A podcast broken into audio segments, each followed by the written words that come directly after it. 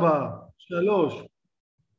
טוב, שלום לכל החניכים המקסימים שנמצאים אה, בבידוד, חצי בידוד, ממש כמו אצל רחל המשוררת, פגישה, חצי פגישה, מבט אחד מהיר, אז פה זה בידוד, חצי בידוד, אי אפשר לדעת. קודם כל שלום לכם, אה, שלום גם למאזינים שהם לא החניכים, שומעים את זה אחרי זה בכל מיני פורמטים דיגיטליים, ולבוגרים שלנו שמאזינים לפודקאסט. אז אה, שלום, היום יש שיעור על מרטין בובר, אני חייב להגיד שכבר יש שיעור אחד של בובר בפודקאסט, שהוא שיעור יותר אקדמי, שהעברתי במכללת הרצוג, השיעור היום יעסוק אה, בצורה שהיא פחות אקדמית ויותר סיפורית. ומי שירצה יוכל לשמוע את השיעור הנוסף ולקבל תמונה נוספת. זהו, אני רוצה להגיד שאתמול נפטר פרופסור אליעזר שווייד, והיום הייתה הלווייתו, אליעזר שווייד, בן ה-92 לדעתי, אחד מהדמויות הכי מרכזיות שעסקו ביהדות כתרבות. הספר שלו, התרבות היהודית והחילוניות, זה ממש ספר שהשפיע עליי, ספר עם כריכה אדומה בציור כשמרק שגן מבחוץ, ואחד מהדמויות ששווייד עסק בהן זה בובר, ובסוף השיעור אני אתייחס לדברים ששווייד כתב על מרטין בובר. אבל מי שמעסיק אותו הסוגיה של מצד אחד להיות יהודי, ציוני, חלוצי, שמאמין בעם ישראל ובארץ ישראל, ומצד שני להיות אתאיסט שלא מאמין באלוהים, אליעזר שווייד ממש כתב על זה.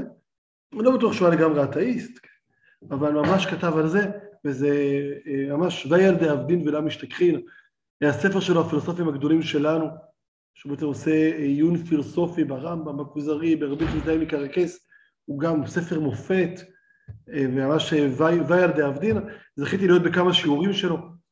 הוא, כשהוא היה מתרגז, הפנים שלו היו מאדימות. אני זוכר אותו מאדים וצועק, היהדות היא לא רק דת, אולי היא גם דת, אבל היא לא. אה, וזה אה, חוויה, חוויה. טוב, אז היום נדבר על, אה, על מרטין בובר, יש מצגת לשתף, אם יש אז נשתף, להלן.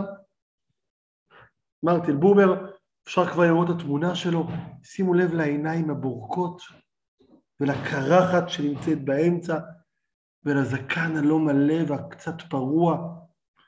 אני קצת מקדים את המאוחר, אבל מרטין בובר שהיה גר בחווה מחוץ לבית צבור באוסטריה, או כשהוא היה גר בווינה, אנשים עלו אליו לרגל בשביל שיחה אישית, בשביל לפגוש את העיניים הבורקות האלה אה, שיש לו. אז זה רק לגבי התמונה, שנמצאת מה שנקרא אל מול עיניכם. אה, גיא עבר דף, אתה רואה את הדף הבא? קורות חייו והרבה תמונות? גיא? גיא סיגל? עבר? מה? עבר דף, אתה רואה קורות חייו? אה, כן, כן. מצוין. יפה. אה, אז אנחנו, אה, אז אנחנו אה, ממשיכים הלאה, ונעסוק שנייה אחת בקצרה מאוד מאוד בקורות חייו של מרטין בובר. יש פה המון המון תמונות על המסך, אבל אולי עדיף שתראו אותי, אולי זה יהיה לכם יותר מעניין. מרטין בובר נולד בשנת 1878, הוא נולד בווינה, בירת אוסטריה, אזור של יהודים משכילים, אבא שלו היה יהודי עמיד ומשכיל, שהיה לו הרבה נסיעות מחוץ לעיר, הוא היה מוכר אה, דשנים וכל מיני ציוד לתעשיית החקלאות, כך שבובר גדל עם איזשהו קשר חקלאי, אבל לא ממש. אם תרצו להרחיב על זה, אז גם על זה נרחיב. אה, כשהוא היה בן ארבע קרה האירוע הראשון המשמעותי, אימא שלו עזבה את הבית. לימים שהוא יכתוב את הביוגרפיה שלו בספר פגישות, אולי אחרי זה נתייחס לזה, אז הפגישה הראשונה שלו זאת עם אימא שלו, שעזבה את הבית בגיל ארבע, כי הוא לא ראה אותה, כאילו הוריו היו פרודים. אבא שלו לא ידע איך לגדל אותו, הוא היה יהודי, גרמני כזה, משכיל, ולכן הוא שלח אותו לבית של סבא שלו. או אולי כן לשתף את המסך.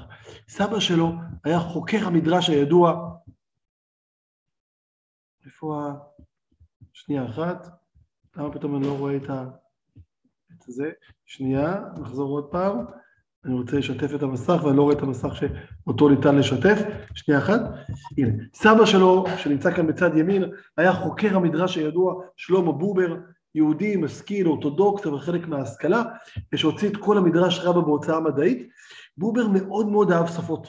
כבר בגיל צעיר הוא דיבר גרמנית, אוסטרית, ועברית, ויידיש, ורוסית, ולטינית, ולימים הוא ילמד גם, לימים הוא ילמד גם ערבית, ואפילו את שפת הסנסקריט, שהיא השפה הקדושה ההודית. ובכל מיני מקומות שהסבא שלו, שלמה בובר, היה צריך להביא דברים מלהעזר רש"י, שזה צרפתית עתיקה, אז בובר הצעיר, הנער הצעיר, היה עוזר לו, כי הוא מאוד מאוד אהב שפות. גם זה מתחבר לאישיות שלו, אולי נדבר גם על זה אחר כך, על בובר ועל השפות. והוא גדל אצל סבא שלו בחווה מחוץ לעיר, חווה חקלאית. סבא שלו היה חוקר, חוקר, חוקר מדרש, שעוסק באגדות חז"ל. זהו, כשבובר היה בן 14 הוא עזב את הדת, ובעצם חזר לגור בבית הריק של הוריו, בבית של אבא שלו בווינה, אבל הוא עזב את הדת לא באופן מלא, גם על זה נדבר אחר כך. כשהוא היה בן 20 הוא היה חבר בקונגרס הציוני השני. בין השאר, בין גיל 20 ל-30 הוא פגש את הרצל, פגישה ש... בספר פגישות שלו הוא מתאר את הפגישות ששינו את חייו. הפגישה הראשונה זה עם אימא שלו, הפגישה השנייה זה עם סבא שלו, הפגישה השלישית זה עם סוס, נדבר על זה עוד מעט, הרביעית זה עם הרצל. הרצל כל כך התרשם מבובר הצעיר, שהוא נתן לו להיות העורך של העלון הציוני, דאוורט, העולם, יש פה כריכה שלו. אחרי זה בובר יריב עם הרצל, כי בובר היה מהמחנה של אחד העם, הציונות הרוחנית, ובובר יעבור לערוך את עיתון דרג'וד, היהודי, כן? אבל בובר היה אחד מאבות הציונות. עוד דבר שהוא עשה בין גיל 20 ל-30, נמצא כאן בצד שמאל, רואים כתוב פה רבי נחמן, באנגלית כזה. אה, עד, עד מרטין בובר, מי שלמד יהדות באוניברסיטאות, בלייפצין, באוקספורד, אה, באוניברסיטאות הוותיקות האירופאיות, בסורבון, אז הוא למד רמב"ם, למד רלב"ג, כן, למד את הפילוסופים היהודים של ימי הביניים, הוא לא עסק בחסידות וקבלה. זה של מכשפות, כן? כל מיני ממבה ג'מבה כזה, בואו נכניס דברים לקדרה ונעשה שיקוי.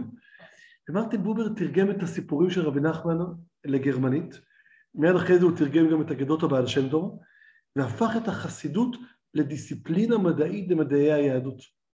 עד כדי כך שכיום באוניברסיטה העברית, שלומדים מדעי היהדות, רוב החוקרים הם בכלל חוקרי חסידות וקבלה, ולא חוקרי רמב"ם וכוזרי. הוא ממש הפך את, ה, את החסידות לדיסציפלינה, הוא בעיקר אה, אה, אה, תרגם סיפורים שעוסקים בדיבוק חברים, בקיבוץ, בסוציאליזם, בשונה מהמתנגדים שאצלם היית צריך להיות תלמיד חכם, בחסידות צריך שיהיה ריקוד של החברים, צריך שיהיה שמחה. ובין השאר הוא פרסם ספר מדהים שנקרא אור הגנוז, שבו הוא מלקט את סיפורי החסידים, הסיפורים על האדמו"רים. למה זה ספר כזה חשוב? קצת מזכיר את האחים גרים שליקטו את האגדות שם בדרום צרפת, כן? כי כמה שנים אחרי זה תהיה השואה. אם הוא לא היה מלקט את הסיפורים בספר אור הגנוז, הסיפורים האלה היו הולכים לאיבוד. טוב, אז הוא המציא דיסציפלינה חדשה ביהדות שנקראת חסידות, הוא פגש את הרצל, הוא התחיל לתרגם את המקרא מגרמנית לעברית. התרגום הקודם של המקרא לגרמנית זה התרגום של מרטין לותר, שעליו למדנו, כן, שם ב-31 ל... לא זוכר מתי המדויק, כן, 1514 ו-17, שמרטין לותר מתרגם את התנ"ך לגרמנית, מאז 500 שנה לא תרגמו אותו, ביחד עם רודנצוויג הוא עוסק בתרגום, זה מלאכה לא קלה לתרגם. נגיד, אה, לאדם נקרא אדם כי הוא נוצר מן האדמה. עכשיו בואו נתרגם את זה לגרמנית, לאנגלית. And his name will be Adam because he was made from the ground. זה לא עובד. בעברית אדם, אדמה. באנגלית Adam ו ground. או לא יודע, קין מגורש לארץ נוד, כי הוא נע ונד.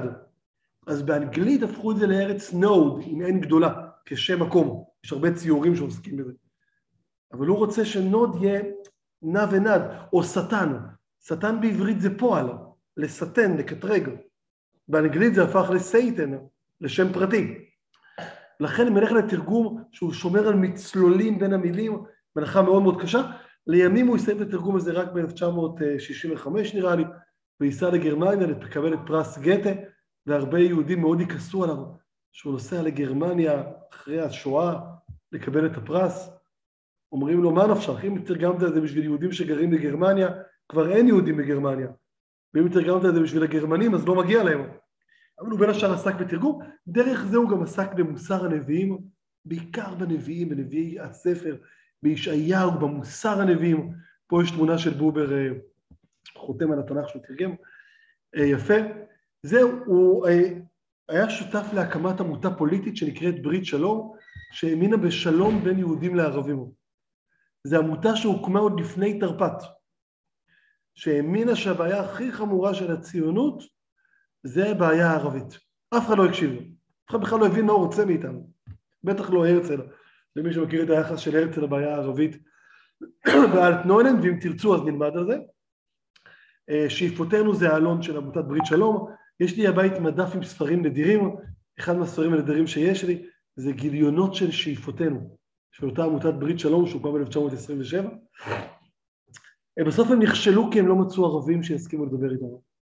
אבל הם בשלב מסוים היו אפילו מוכנים לוותר על הצהרת בלפור, על מנת שתהיה הצהרה למדינה דו-לאומית. תמכו במדינה דו-לאומית ולא במדינה יהודית בארץ ישראל, אבל הם לא מצאו ערבים שיסכימו לחתום על זה, חלק מהטרגדיה. אה, בין גיל 20 ל-30 הוא כתב את האנציקלופדיה לסוצי... לסוציולוגיה, והיה אחד המומחים הגדולים ביותר לתחום הסוציולוגיה, ובדיוק לפני מאה שנה, ב-1923, הוא כתב מאמר שנקרא אני אתה, פה יש רק את המאמר הזה מתורגם לעברית, בתוך, המאמר הזה יצא אחרי זה בתוך ספר שנקרא בסוד שיח, והמאמר הזה חברים שינה את העולם. זהו, אני אספר לכם שבשנה הבאה הולך לצאת ספר שנקרא מאה שנה לעלייתה, ובין השאר יש שם מאמר שלי יחד עם אחותי, אבל זה מאמר שממש שינה את העולם, המאמר נקרא אני אתה, ומרטין בובר המציא זרם חדש בפילוסופיה. פילוסופיה שנקראת הפילוסופיה הדיאלוגית. לא פילוסופיה שהמרכז שלה זה האדם הפרטי, זה אני, אלא פילוסופיה שהמרכז שלה זה אני אתה. זה היחס ביני לבין הזולת. חתיכת שינוי מרתק. זהו, שהיטלר עולה לשלטון הוא מתפטר מהאוניברסיטה בפרנקפורט כמחאה, אבל הוא ממשיך להרצות שם, שנתיים אחרי זה כבר לא נותנים יותר ליהודים להרצות בגרמניה, הוא עולה לארץ, לאוניברסיטה העברית, בארץ הוא יכול להיות פרופסור למקרא, הוא הרי תרגם את המקרא לגרמנית, כן? הוא יכול להיות פרופסור לחסידות, הוא הרי הפך את החסידות לדיסציפלינה מדעית ממדעי היהדות. הוא יכול להיות מורה לשפות, כמו שאמרנו, הוא יכול להיות מורה לפילוסופיה, יש זרם פילוסופי שנקרא על שמו, חשיבה בובריאנית. כן, היום לקראת השיעור הזה, צפיתי בשיעור באומנות שמנתח אומנות של הרנסאנס בשיטה בובריאנית, כן? אבל בארץ, מכל מיני סיבות פוליטיות, נתנו לו להיות בחוג לסוציולוגיה, שזה גם תחום שהוא עסק בו. והיה יכול כמובן בפילוסופיה. אה, וזהו, הוא נפטר בירושלים ב-1965, הוא קבור בהר המנוחות. אחרי שהוא נפטר, יהודה עמיחי יוציא מחזה, שנקרא ביום שקברו את יהודה עמיחי. ביום שקברו את מרטין בובר. עוד פעם, קודם טעיתי, יהודה עמיחי, שהוא משורר וגם קצת מחזאי, הוציא מחזה תחת הכותרת ביום שקברו את מרטין בובר. בהלוויה של בובר בהר המנוחות הגיעו הרבה נכבדים מהחברה הערבית, וזה היה מאוד שונה בנוף הישראלי. אז אם נסכם על מרטין בובר, הוא גם אחד מאבות הציונות, קשור לציונות הרוחנית של אחד העם, חבר בקונגרסים הציונים, חבר של הרצל, הוא גם אחד מאבות הסוציולוגיה, שגם הפך, לא דיברתי, הוא גם אחד מאבות הסוציאליזם, אלה שהאמינו בחלוקת הרכוש והעזרה לעניים, בהקשר הפוליטי, הוא גם הקים תנועה פוליטית בשם ברית שלום, שדו שיח בין יהודים לערבים, עוד, לפ... עוד הרבה לפני קום המדינה, הוא גם תרגם את התנ"ך לגרמנית, הוא גם תרגם את החסידות, וגם כתב את מאמר אני אתה, והמציא זרם חדש בפילוסופיה. היום אנחנו בעשרים דקות שנותרו לי, נדבר על הפן הפילוסופי. זהו, אם יש שאלות זה הזמן. אז אני רוצה לקרוא אתכם, אה, אה, אה, לנסות להבין איתכם ביחד מה הכוונה, שנייה, שכחתי לשתף, מה, לקרוא איתכם ביחד מה הכוונה שהוא המציא זרם פילוסופי שמתייחס לאני אתה ואני לז.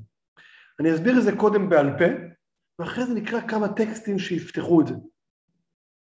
ומי שמתעניין, אז אחד החלומות שלי זה היה להקים איזושהי סיירת קטנה שנפגשת איתי בבוקר לפני תחילת הלו"ז ולומדת את מאמר אני אתה של בובר.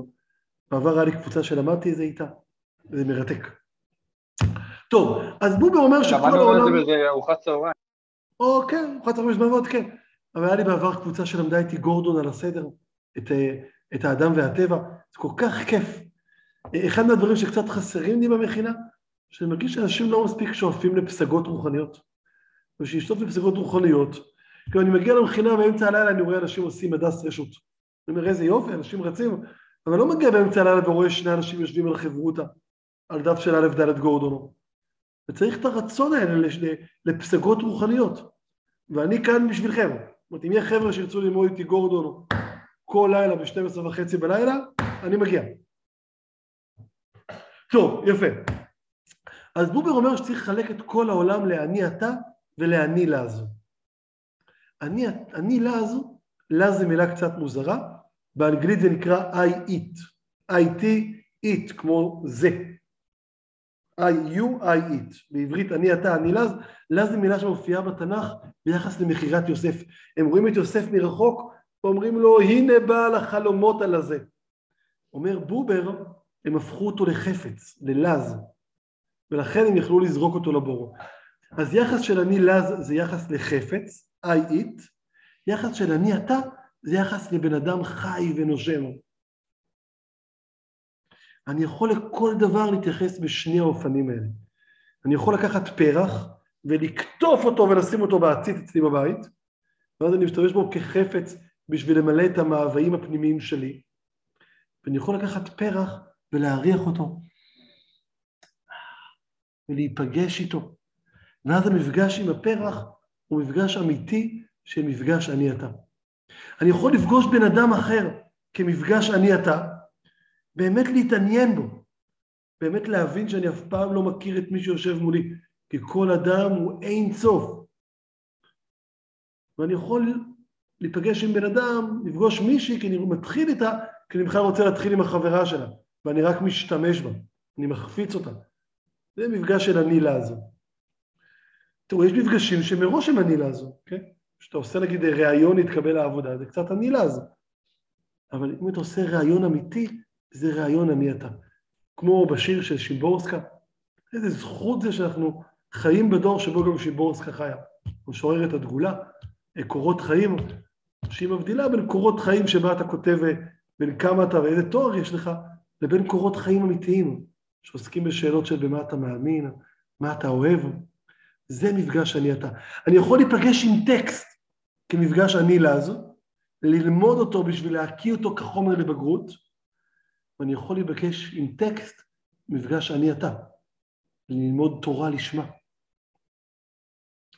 בובר ממשיך, והכל מתחבר אצלו. בובר ממשיך ואומר, מדינת ישראל צריכה לכתחילה להיות מדינה שיש בה יהודים וערבים, כי אז כל הזמן יהיה מפגש אני אתה עם הזולת, עם האחר. בובר מתרגם את החסידות דווקא, כי בחסידות יש איזה מימד של מפגש אמיתי, ולא רק לקיים מצוות אנשים מלומדה, יש עניין של דבקות. בובר מאמין בקיבוץ ובסוציאליזם, כי זה הדרך לפגוש את הזולת, בשונה מהקפיטליזם שמנסה לנצל את הזולת רק כאמצעי להרוויח כסף. הדברים מתחברים. כשהוא עוסק בתרגום של התנ"ך הוא שומע את המצלול, הוא ממש נפגש עם הטקסט, אבל בעיקר הוא מדבר על מוסר הנביאים, כי הייחוד של הנביאים זה שהנביאים בכל רגע נתון מדברים עם אלוהים. ובאותו הקשר זה ממש מרתק לדבר על, הד... על הדתיות של מרטין בובר. מרטין בובר לא קיים תורה ומצוות, אוקיי? הוא אכל חמץ בפסח. מצד שני, הוא קרא לעצמו אדם רלגיוזי. עכשיו תראו, רליג'ס זה דתי. הוא אמר, אני רלגיוזי, אני לא דתי. הוא הבדיל בין דת לדתיות, ממש מאמר קדום שלו מ-1912 לדעתי, וזה גם מאמר שמאוד מאוד השפיע עליי בין דת לדתיות של מרטין בובר, בפתיחה של, של, של, של ייעוד שלו. אה, אומר מרטין בובר, אם אתה מקיים את המצוות, אז אתה הופך את אלוהים ללז, לחפץ, כמו חטא העגל. מה ההבדל אם מישהו עובד את חטא העגל, או אם מישהו עובד את השולחן ערוך? בשני המקרים זה סוג של עבודה זרה. הקשר האמיתי עם אלוהים צריך להיות קשר אני אתה. כמו שאומרים בתפילה, ברוך אתה אדוני. ואיך הקשר הזה יהיה קשר אני אתה? דווקא אם לא נקיים מצוות. קשר אני אתה הוא תמיד ספונטני וחד פעמי. וקשר אני לז הוא קשר נצלני. תן לי ואני אתן לך. אז לכן בובר, בגלל שהוא היה כל כך דתי, שקוראים את אני אתה בקריאה נכונה, רואים כמה אלוהים נוכח שם. בגלל שהוא היה כל כך דתי, הוא סירב לקיים מצוות. עוד פעם, אם הוא יקיים מצוות, הוא יהפוך את אלוהים לחפץ, לעני לז, לחטא העגל. בגלל שהוא רצה שאלוהים, הקשר בינו לבין האל יהיה קשר אני אתה, זה חייב להיות קשר ספונטני ומשתנה. עד כדי כך שלא יודע, ביום הולדת 80 לחבר הכי טוב שלו, עקיבא ארן סימון, הוא הגיע לתת דרשה בבית כנסת ישורון, והיה גשם, אז הוא עמד בחוץ, הוא היה לתת דרשה בין שחרית למוסף לכבוד היום הולדת, אמרו לו בוא תיכנס, הוא אמר אני לא מוכן להיכנס לבית כנסת. הוא אמר אני לא מוכן להיכנס לבית כנסת, אני רוצה שהקשר שלי עם אלוהים יהיה קשר אמיתי, ולא הקשר כמו שלכם, והכל מתחבר, גם המקום הפוליטי, גם הסוציולוגיה, גם הסוציאליזם והתמיכה שלו בקיבוץ, הכל מתחבר לכך שצריך שיהיה קשר אני אתה, ולא קשר אני לעזור. זה קצת מה שאנחנו מנסים לעשות במכינה, שניפגש אחד עם השני בשיח שהוא אמיתי. עכשיו תראו, לא כל שיח הוא אמיתי. לפעמים אני פוגש מישהו לא לשיחה אישית, אני פוגש מישהו לפגישת עבודה. עכשיו אנחנו נפגשים בשביל להקים מגרש כדורעף. סבבה. בשביל לשבת על שבוע יוש. ולפעמים שחניך או חניכה מבקשים ממני שיחה אישית, היא לא שיחה על מנת, אלא היא שיחה של מפגש אני אתה אמיתי. וכותב בובר שכל מפגש אני אתה אמיתי, יש בו ניצוץ של מפגש עם האתה הנצחי. האתה הנצחי זה אלוהים. או בשפה של בובר, מפגש עם שולב של האתה הנצחי. אז זה חלק מהסיפור.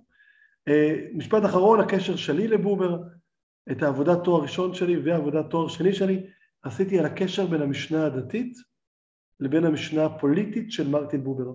הרבה כתבו על בובר כי היה אחד מאבות השמאל, הרבה כתבו על המקום המיוחד של בובר היהודי שלו, ואני חיברתי את שני הדברים האלה. מי שישלח לי הודעה בפרטי, אני אשלח לו את העבודה, זו עבודה מאוד מאוד נחמדה לקריאה. טוב, אז בואו נראה את הטקסט הראשון שהבאתי. Share screen. אז זה קצת קורות חייו בתמונות. והטקסט הראשון שהבאתי, נו, אה, הוא בתוך התמונה משום מה.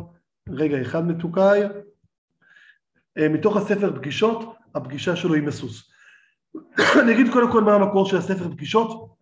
אחת מהאוניברסיטאות בארצות הברית כתבה ביוגרפיות של פילוסופים שעדיין חיים. לא כאלה שמתו, אלא כאלה שעדיין חיו. אז ביקשו מבובר, ביקשו מסרטר, מסאכט, אה, פוקו, רולס, פילוסופים שעדיין חיו בתח... בתחילת המאה, או בסוף המאה הקודמת, אה, ביקשו מהם שיכתבו את הביוגרפיה של עצמם, ביקשו מסרטר, כן? ובובר בשום פנים ואופן לא הסכים לכתוב את הביוגרפיה של עצמו. הוא לא הסכים, אמר, לא, לא משחק. אמרו לו, אבל זה כבוד גדול, לא הסכימו. כי אם אני אכתוב את הביוגרפיה של עצמי, אמר בובר, אני אהפוך את עצמי לאני לז, במקום לאני אתה. בסוף הוא כתב ספרון מרתק, שיש לי אותו בבית, בארי זה מפריע. שיש בו 14 פגישות, שמכיל את הפגישות ששינו את חייו. מצד אחד זה סוג של ביוגרפיה, הוא מספר את סיפור חייו, מצד שני הוא מספר את זה בצורה של אני אתה, דרך פגישות. כן? באחד המקומות, דווקא לא בפגישות, הוא מתאר נגיד מפגש עם אילן, עם עץ. בואו נדבר על זה אחרי זה. אני אגיד את זה כבר עכשיו. אני יכול לפגוש את הטבע ולהתחיל לקטלג אותו, להגיד זה אורן מסוג זה וזה, ואני יכול לפגוש את העץ ולחבק אותו. כן? מרטין בובר לא רוצה לקטלג את עצמו. לכן הוא לא הסכים לכתוב לעצמו ביוגרפיה, ובמקום זה הוא כתב לעצמו את הספרון פגישות. אז בואו נקרא את הפגישה של בובר עם הסוס, זו הפגישה השלישית, הראשונה עם אימא שלו, השנייה עם סבא שלו והשלישית עם סוס, הרביעית עם הרצל. שלוש, ארבע, זה. כשהייתי בן 11 וביליתי את הקיץ באחוזת סבי, הייתי נוהג להתגנב ולהיכנס כל שעה שלא ראני איש בכך, לתוך אורבות הסוסים וללטף את צווארו של הסוס החביב אליי לבנוון. כן, בובר בן 11 גר אצל סבא, והולך ללבנוון ומלטף אותו. מאורע נעים, אבל גם מרטיט עד מעמקי הנפש. מה שנתרה לי עם הסוס הוא האחר, האחרות המופלית, הכבירה של האחר, שלא הייתה נוכרית וזרה לי, כגון זו של השור והתיש, אלא אדרבה, נתנה לי להתקרב אליה, לנגוע בה. כן, הוא נפגש עם האחר לא מישהו שהוא דומה לו, ממש עם האחר. הוא מרגיש שהייתי את החי בידיי. כן, אני ואחותי עינת כתבנו מאמר שיצא בספר לכבוד מאה שנה למרטין בובר, המאמר עוסק באקולוגיה ומרטין בובר, הוא מתחיל בטקסט של בובר על האילן, והשם של המאמר זה, ומרגיש שהייתי את החי בידי.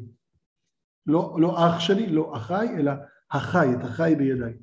דומה כאילו נוגע היה לאור ידיי יסוד החיוניות עצמו, משהו שאינו אני, שאינו ידוע מוכר לאני, האחר ממש שבממש, לא רק אחר סתם, ואף על פי כן נתן לי להתקרב אליי, אליו, פתח לי את ליבו, העמיד את עצמו כולו בחינת אתה לאתה. ואחר כך צהל בחשאי, מעשה קושר, הנותן סימן שמיועד לאיש סודו בלבד. כסוג של אינטימיות שיש לכם שפה סודית. והייתי בן חבורה, היינו ביחד בחבורה, אני והסוס. אולם פעם אחת נצנץ בליבי עם ליטוף שליטפתי אותו. אוי, כמה משעשע אותי הדבר! ופתאום חשתי בידי שלי. המשחק נמשך כמקודם, אבל משהו נשתנה. שוב לא היה אותו הדבר, וכשלמחרת היום ליטפתי את צווארו של אדיר סוס, לא הרים את ראשו. בובר מספר איך פעם היה לו פגישה, פגישת אמת של אני אתה, עם הסוס לבלבן. הוא ממש ליטף אותו. איזה מקסים זה.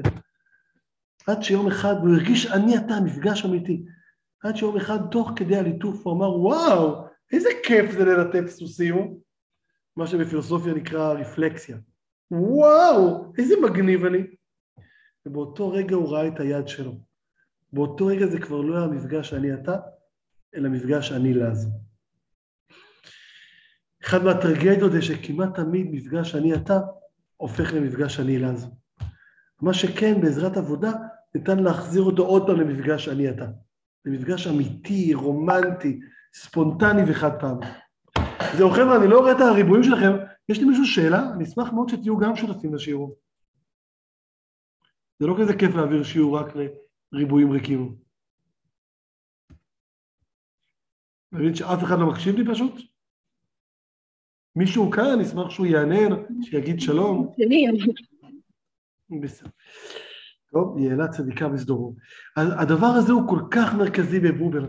תנסו לחשוב האם הקשר שלכם עם החבר שלכם בקרוון הוא קשר אני אתה? קשר אמיתי, חד פעמי, ספונטני, או שהוא אני לעזור. כי אני לצערי במכינה, יש לנו זוגיות במכינה, גם השנה, גם שנים קודמות, והיה כמה שנים שהרגשתי שיש זוגות שהזוגיות ביניהם היא זוגיות של אני לעזור. שהסיבה היחידה שאותו בחור רוצה חברה, זה כי הוא לא רוצה להיות לבד. לא כי באמת הוא רוצה מפגש אמיתי. ואז יש בזה משהו נצלני. או הסיבה שאותה בחורה יש לה חבר, זה, כ... זה כיף שיש זוגיות, ככה, אם הצוות מאוד מקשה עליך ונותן לך בראש, יש לך בזרועות מי להתנחם. והשאלה, האם זה קשר אני אתה, שהוא קשר אמיתי, או שזה קשר אני לה, שיש לו משהו נצלני. האם זה כמו מפגש של בובר והסוס בהתחלה, שהם היו בני חבורה, יצרו שפה סודית ביניהם? או שהוא אומר, וואו, איזה כיף שיש לי סוס, ובאותו רגע זה הפך לאני לז. טוב, זהו, בהקשר הזה אה, של אני אתה ואני לז, בובר מתייחס גם לסוגיה הדתית. אתן לכם פה איזשהו טקסט בספר אחר שנקרא עוללות, אני אקריא לכם אותו. העלתות ההיסטוריות נוטות להפך למטרה בפני עצמם, ולהדנים עצמם כביכול במקומו של אלוהים. ואכן אין לך דבר בעולם שעשוי להסתיר מן האדם את פני האל, בא במידה שעושה זו הדת. וואו, אין דבר שיותר מסתיר את אלוהים מאשר הדת. למה? כי הדת יוצרת סוג של קיבעון, עוד שהקשר עם אלוהים צריך להיות קשר אמיתי, של אני אתה. כן? מקום אחר, וכך מעדיף בובר את הפסוק בישעיהו, זה מתוך העבודה שלי, בבוקר בבוקר יאיר לי אוזן, על פני הציווי התורני, חוקות עולם לדורותיכם. כן, הוא מנסה לעקר את היסוד של החוק מהתורה, כי חוק זה משהו קבוע, ואל תעשה תורתך קבע, אין את החנונים. דתיות שמסמלת את הקשר החי והמתחדש בכל יום ליוצר בראשית. קשר ספונטני שמרכזו מפגש בין אדם לאלוהים. זהו, במאמר שאני ואחותי כתבנו לספר שיצא שנה הבאה, אז כתבנו על כך, על, ספר, על אקולוגיה ועל בובר. כן, יש אקולוגים שהם אקולוגים, כי ככה יהיה טוב יותר לבני האדם. אם אני איתה עצים, אז האוויר שלי יהיה יותר טוב. אבל זה עדיין אגוצנטרי, אתנוצנטרי. עדיין אני במרכז. והשאלה, אצל בובר האקולוגיה נובעת מתוך מפגש אני אתה אמיתי. במאמר טענו שהסיבה שניתן להיפגש עם הטבע, מפגש אני אתה, עם בני אדם ברור שאני יכול להיפגש אני אתה, כי הם בני אדם, אבל העולם נברא בדיבור. מה זה אומר שהעולם נברא בדיבור? שאלוהים לא יצר את הדברים, אלא דיבר אותם, אמר ויהי אור. ולכן על פי הקבלה יש ניצוצות של דיבור בתוך העולם. ויש ניצוץ של דיבור גם בתוך הקלמנטינה הזאת. ולכן אם אני אעשה מפגש אני אתה אמיתי עם הקלמנטינה, אני אוכל להגיע לדיבור האלוהי שבתוכה. לכן יש דיבור גם עם הדומם והצומח. קודם נזכרתי כזה דתיות שהיא מצד אחד מאוד מאוד דתית, אולי לאנשים שהם אתאיסטים יהיה קשה להתחבר, מצד שני היא מאוד מאוד לא הלכתית, ואולי לכן לאנשים שהם אורתודוקסים יהיה קשה להתחבר. אין לך דבר בעולם שעשוי להסתיר מן האדם את פני האל, בא במידה שעושה זו הדת. בתורת ישראל יש לדיבור ערך דינמי ולא סטטי. לכן גם אומרים ברוך אתה אדוני, יש פה אני אתה. לכן התורה בנויה על תורה שבעל פה. לכן יש מעמד הר סיני שבו היה מפגש פנים אל פנים. מפגש פנים אל פנים זה מפגש אני אתה. בשונה ממפגש אחור באחור. אין חוק קבוע ומוגדר לעולם, אלא דבר אלוהים ומצבנו בשעתו. עלינו להקשיב לריחשו. אין בידינו עקרונות ערוכים לסעיפיהם שאפשר לעיין בהם. עלינו להבין את המצב ואת השם. זהו, בצד שמאל שמתי פה את השיר של ליאונרד כהן, לאבר, לאבר, לאבר, או בתרגום של שלומי שבן, אנה, אנה, אנה. שנייה, שנייה אחת. הערה לי באמצע שיעור בזום, זה אחד, ויש גם במחסן עוד איזה דברים אה, שנפתחים כאלה ליופי. מישהו ארגז במחסן, בסדר? תחפשי, בשמחה. כן. אה, השיר אנה אנה אנה של... אה, שיר Lover Lover Lover של ליאונרד כהן, או בתרגום של שלומי שבן, אנה אנה אנה. ליאונרד כהן מגיע לארץ ב-1973, הוא מגיע לארץ במקרה, איזושהי אהבה נכזבת באיזה אי יווני, הוא מגיע למלחמת יום הכיפורים ומצטרף אל הלוחמים באזור התעלה. אפשר בין השאר הוא מחבר את Who by Fire. וויז בי פייר, מי במים ומי באש, ואפשר בשיר הזה לשמוע את ההלומות של החיילים שהולכים, הוא כמעט נהרג, שפצמ"ר פוגע לידו. מתי כספי ניגן לו בגיטרה והוא אה, שר, ויש לנו עדויות של, ה, אה, של ההופעה אותי. השנה נכתב ספר על אה, ליאונרד כהן וחוויותיו בתעלה.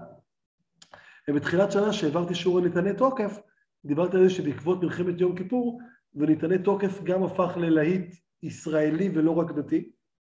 דרך העובדה שיאיר רוזנבלום הלחין את זה בקיבוץ בית השיטה לזכר אותם 11 לוחמים, וגם הפך ללהיט עולמי דרך ליאונרד כהן. ובאותו זמן שליאונרד כהן נמצא ברחבי סיני, הוא כותב גם את השיר לאבר לאבר לאבר. קראתי אבא, שנה את שמי בבקשה, ושנתת לי עטוף בפחד, בלכלוך ברעד ובושה, כן, ואנה, אנה, אנה אהובה, אנה חזרי אליי. זה שיר מאוד מאוד מעניין. שיח בין אדם לבין אלוהים. ענה הגוף שלך הוא כלא, הוא מבחן שהסתבך. אני מדלג לבית הרביעי, אני גם אסמן אותו. מימיי לא עזבתיך, הוא אמר לי, לא עזבתיך מימיי.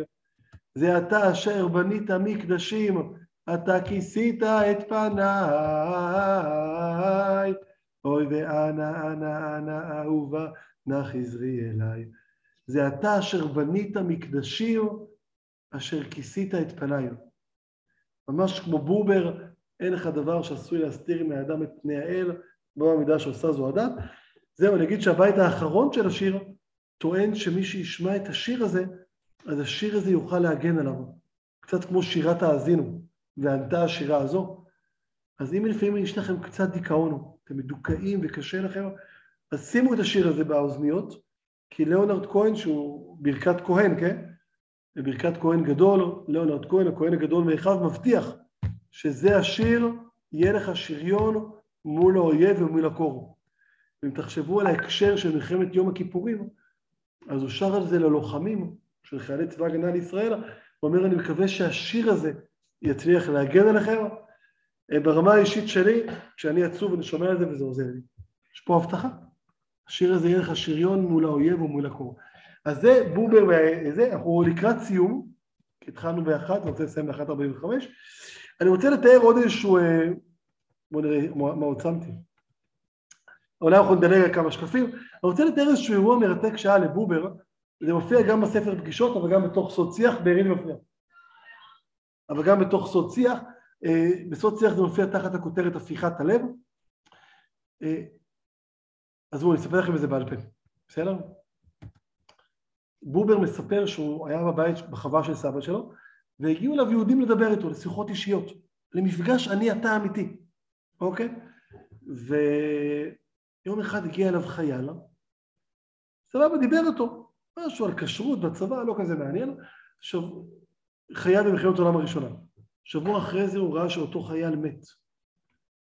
ואז בובר משחזר לאחור את השיחה שהייתה לו, ואומר, בעצם אותו יהודי רצה לשאול אותי אם להתגייס או לא. אבל באותו בוקר, אומר בובר, הייתה לי חוויה מיסטית, ולכן לא הייתי מספיק קשוב אליו. ואז אומר בובר, מהיום ואילך, אני גוזר על עצמי לעסוק אך ורק בקשר אני אתה אופקי, בין אדם לחברו, ולא בקשר אני אתה בין אדם לאל. ומאותו יום בובר הפסיק לעסוק במיסטיקה. חתיכת סיפור. כי הפסוק אומר, ואהבת לרעך כמוך, אני אדוני. ואהבת לרעך כמוך, אני אדוני. רבי עקיבא בפרקי אבות אומר, ואהבת לרעך כמוך זה כלל גדול בתורה. אני חושב שזו אמירה מהפכנית. כי רבי עקיבא הכיר את המשך הפסוק ובחר לחתוך אותו. במקום לכתוב ואהבת לרעך כמוך, אני אדוני, זה כלל גדול בתורה, אומר רבי עקיבא, אהבת לרעך כמוך, זה כלל גדול. אנשים לא שמים לב עד כמה רבי עקיבא הוא רדיקלי, או רפורמי פה, או מהפכן. כמו בובר, הוא מעדיף את אהבת לרעך כמוך על פני אני אדוני, חתיכת סיפור של בובר. אה, אני אקרא עוד טיפה, טיפה, טיפה דברים, כי אני רוצה להגיע טיפה לגורדון גם. דרי, תוכל להביא לי נר וגפורים? אה, אין להפריד בדת לפוליטיקה. טוב, לא אתייחס לזה, אבל, אבל בובר מאוד תמך בתנועה הקיבוצית. הוא מאוד תמך בסוציאליזם העולמי. הוא דיבר על, כמו שגם מופיע בדבר הבא, על פוליטיקה תיאולוגית, שזה אומר אה, שהמימד הזה של קשר אני אתה צריך להיות גם בפוליטיקה היומיומית. כי אני אקריא לכם, אומרים לנו להקים קהילה עברית בארץ ישראל. אם תהיה עוד קהילה בעלת הוויה בינונית חילונית, תהיה קהילה שיש בה ניצול הדדי. כן, אם בשביל זה חיכינו אלפיים שנה, בשביל להקים עוד איזה ניו יורק. לא לזאת אנחנו מצפים בשביל ההתיישבות המהפכנית המוטלת עלינו. התיישבות מהפכנית, אומר אני. בזיכרון עם שלנו, בהיסטוריה הפנימית שלנו, מסורה לנו מצווה נעלה של מוסד חברותא אמיתית. והגיע הזמן שנקים יישובים שעומדים על הרעיון של המילה חברותא. במסורת התעודה שלנו היום לבחור משהו מבחינת קרבת אדמה, חילוניות מהודרת, נשימת האלוהי לתוכנו על ידי הטבע. אוקיי? וגם בנאום שלו לאחד במאי שהוא נאום מרתק, כן, מותר לנו לקיים את דבר האלוהים, שמה זה דבר האלוהים? דבר האלוהים זה לחיות בקשר שאיננו מנצל, באיזשהו קשר אני אתה ולא אני לה, אז מעניין. אמ, אני טיפה, רק בשביל העניין, אקרא לכם את הפתיחה של אני אתה, היא פתיחה מאוד מאוד קשה לקריאה, רק שיהיה לכם טיפה את השפה. דו פרצופים מהעולם לאדם כנגד דו פרצופים של נוהגו. דו פרצופים מנוהגו של אדם כנגד דו פרצופים של אבות הדיברות שבידו לאומרם. אין אבות הדיברות דיבר דיבר אל הזוגות כמעט צינית, אבל שפה שמעניין לקרוא אותה, ולדעתי שווה להשקיע. אני אקרא לכם את הסיור רק פה של הפתיחה ששמתי לכם. לא, לא זה כרגע. סיימתי פה למעלה את המילים, אבל שרוי ועומד בזיקה. אני לא רוצה להרחיב כרגע על המילה זיקה בתורתו של בובר, אבל זו מילה מאוד משמעותית. אהבה לא נמצאת בגופים, אומר יהודה עמיחי, כמו שהזמן לא נמצא בשעונים. האהבה נמצאת בתווך ביני לבינך, וזה הזיקה. לא אני ולא אתה, אלא אני אתה, הזיקה שבאמצע, אוקיי? זהו, אז התחלנו את השיעור בכך שפרופסור שווייד נפטר אתמול, ולפני כשעה הוא נקבר בבית העלמין בירושלים. ובספר הציונות שאחרי הציונות, אה, אה, אה, שווייד שואל את שאלת הרלוונטיות של בובר. וככה כותב פרופסור אליעזר שווייד, שלפני כשעה קלה נפטר בירושלים, אה, נקבר בירושלים. אה, השנה ב' של עין פרת נסעו כולם להלוויה שלו. עברנו למעשה לשאלת תרומתו האפשרית של בובר לתפיסת יהדות הומניסטית בזמננו. בובר היה איש שמאל, היה הומניסט, כן? בני זמננו המגדירים את השקפת עולמם כהומניסטית, נמצאו במשמתו תביעת זיקה למכלולי תכנים החורגים מגדרי הומניזם, כפי שהם נוטים לפרשה עם מונחי החילוניות והליברליות. הרי האמונה באלוהים, אפילו בדרך שבובר מציג אותה, היא זרה וחשודה להם לא פחות מכפי שהדת הממסדית חשודה בעיניו של בובר. ועכשיו בעברית ישראלית, בובר קצת נפל בין הכיסאות. אתם מבינים? דתיים לא לומדים בובר כי בובר התנגד לשמירת תורה ומצוות. קשה להם לקרוא אותו. וחילונים לא לומדים בובר כי אלוהים הוא דמות משמעותית אצל בובר. הזיקה של בובר חי בתודעה שהוא רוצה לקיים את רצון האל. דהיינו לחיות בזיקה של אני אתה, להקים מדינה, להיות אדם טוב, להיות בקשר אל הטבע. והיום כשאתה מגיע לאנשים שהם הומניסטים, שעל פניו אמורים להמשיך את בובר, להמשיך את הרעיון הפוליטי שלו, של ברית בין יהודים לערבים, להמשיך את הרעיון הסוציאלי שלו, של ברית בין עשירים לעניים. כן, אנשים שאמורים להמשיך אותו.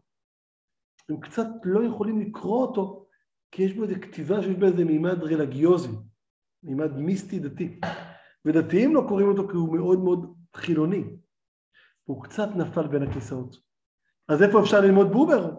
אצלנו במכינה. זה בדיוק המקום הנכון ללמוד אותו. אנחנו צריכים עוד את דרכו. זהו, אני רוצה לסיום להשקיע עוד אה, שתי דקות בעוד משהו קטן, לא? אז אה, אני, היום אה, כ"ג שבט, ובעצם היום בערב ייכנס כ"ד שבט. כ"ד שבט זה יום פטירתו של א' ד' גורדון, אז אני רוצה אה, להדליק נר לזכרו, שגרתי עם יוני נוטקיס, שותף שלי בנחלאות, כל יום יוני נוטקיס הדליק נר לזכר אותו צדיק שנפטר באותו יום. אז אני מציע לכם היום בערב להדליק נר נשמה לזכרו של א' ד' גורדון, את הנר לידי, ועל הדרך גם אולי לזכרו של פרופסור אליעזר שווייד, ואני רוצה להגיד משהו על תורתו של גורדון ושל בובר. א', הם דומים, גורדון חי לפני בובר, ולא ידוע לי על שום מקום שבו בובר מצטט את גורדון.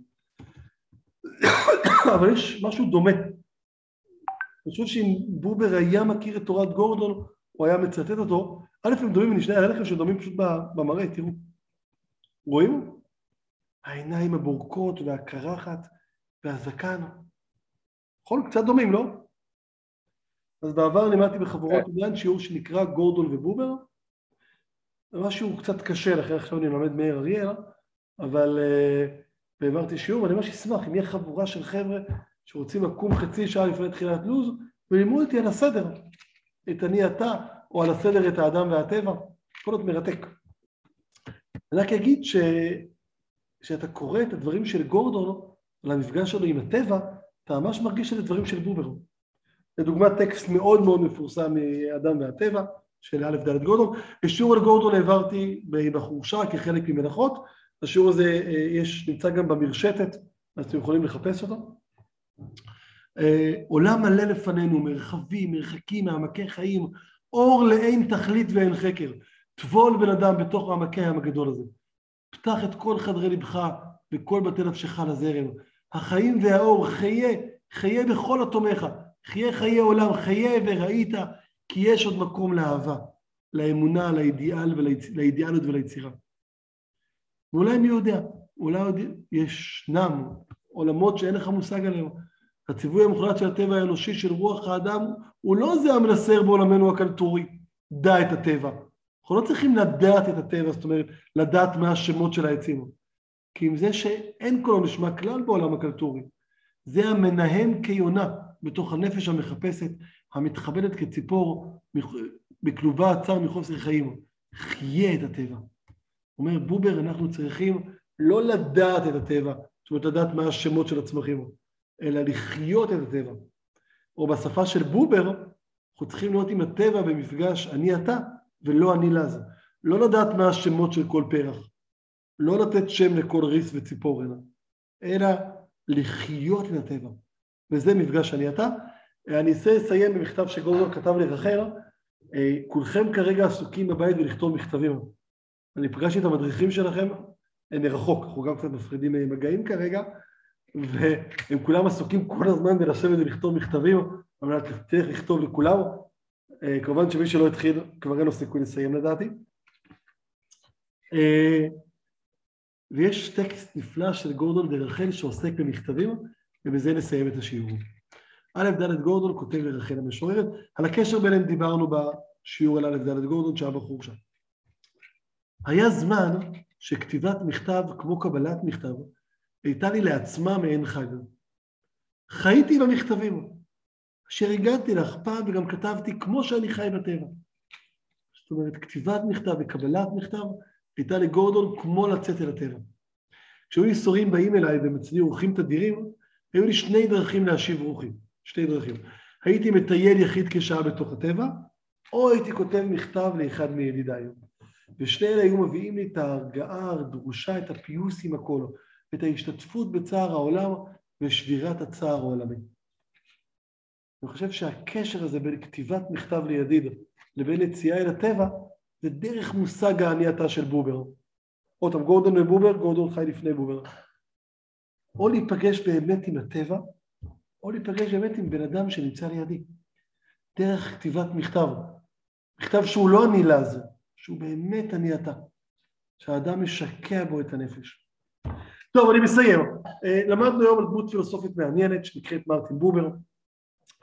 אה, נולד ב-1865 נראה לי, בווינה, אימא שלו עזבה את הבית, עבר לסבא שלו, מאוד אהב שפות, היה אחד מאבות הציונות, עוזר של הרצל, סוציולוגיה, חסידות, תנ"ך, ובעיקר המציא זרם פילוסופי שנקרא אני אתה אני לז, פילוסופיה דיאלוגית, שהמרכז שלה הוא הדיאלוג, והיכולת להיפגש עם מישהו, מפגש שהוא באמת אמיתי, שזה מה שאני שואף שיהיה גם לכם, מפגש אמיתי של אני אתה. וזה מה שאני רוצה לאחל לכם לקראת השבוע האמצע. ולקראת הכתיבת מכתבים, שהם יהיו באמת מפגש של אני אתה. וסיימנו בכמה מילים לזכרו של שווייץ שנפטר אתמול ונקבר היום, ולזכרו של גורדון שכ"ד שבט זה יום פטירתו. מחר עולים לקברו, ובשעה אחת בדגניה יש טקס בקבר שנעמה שקד מארגנת. אני לא אגיע, אבל כל מי שכאן גר בצפון זה חוויה חוויה על הזמן. אחרי זה יושבים גיטרה ומנגנים שירים ולומדים את תורתו. מחר באחת בבית העלמין בדגניה, לא בכנרת אלא בדגניה, יש אה, טקס אה, יורצייט לגורדון, כ"ד בשבט. אה, סיימנו בקשר בין גורדון לבובר, שאולי אני והטבע של בובר, של גורדון, זה קצת אני אתה של בובר.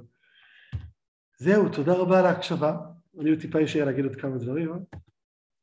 שנייה. אז תודה רבה על ההקשבה, ובהצלחה לכולם. הלוואי שנזכה למפגש אני אתה, שנזכור שכל חיי אמת, אומר בובר, חיי פגישה הם. רק זה חיים שראוי לחיות אותם. וכל חיי פגישה, יש בהם ניצוץ של פגישה עם שולב של האתה הנצחי.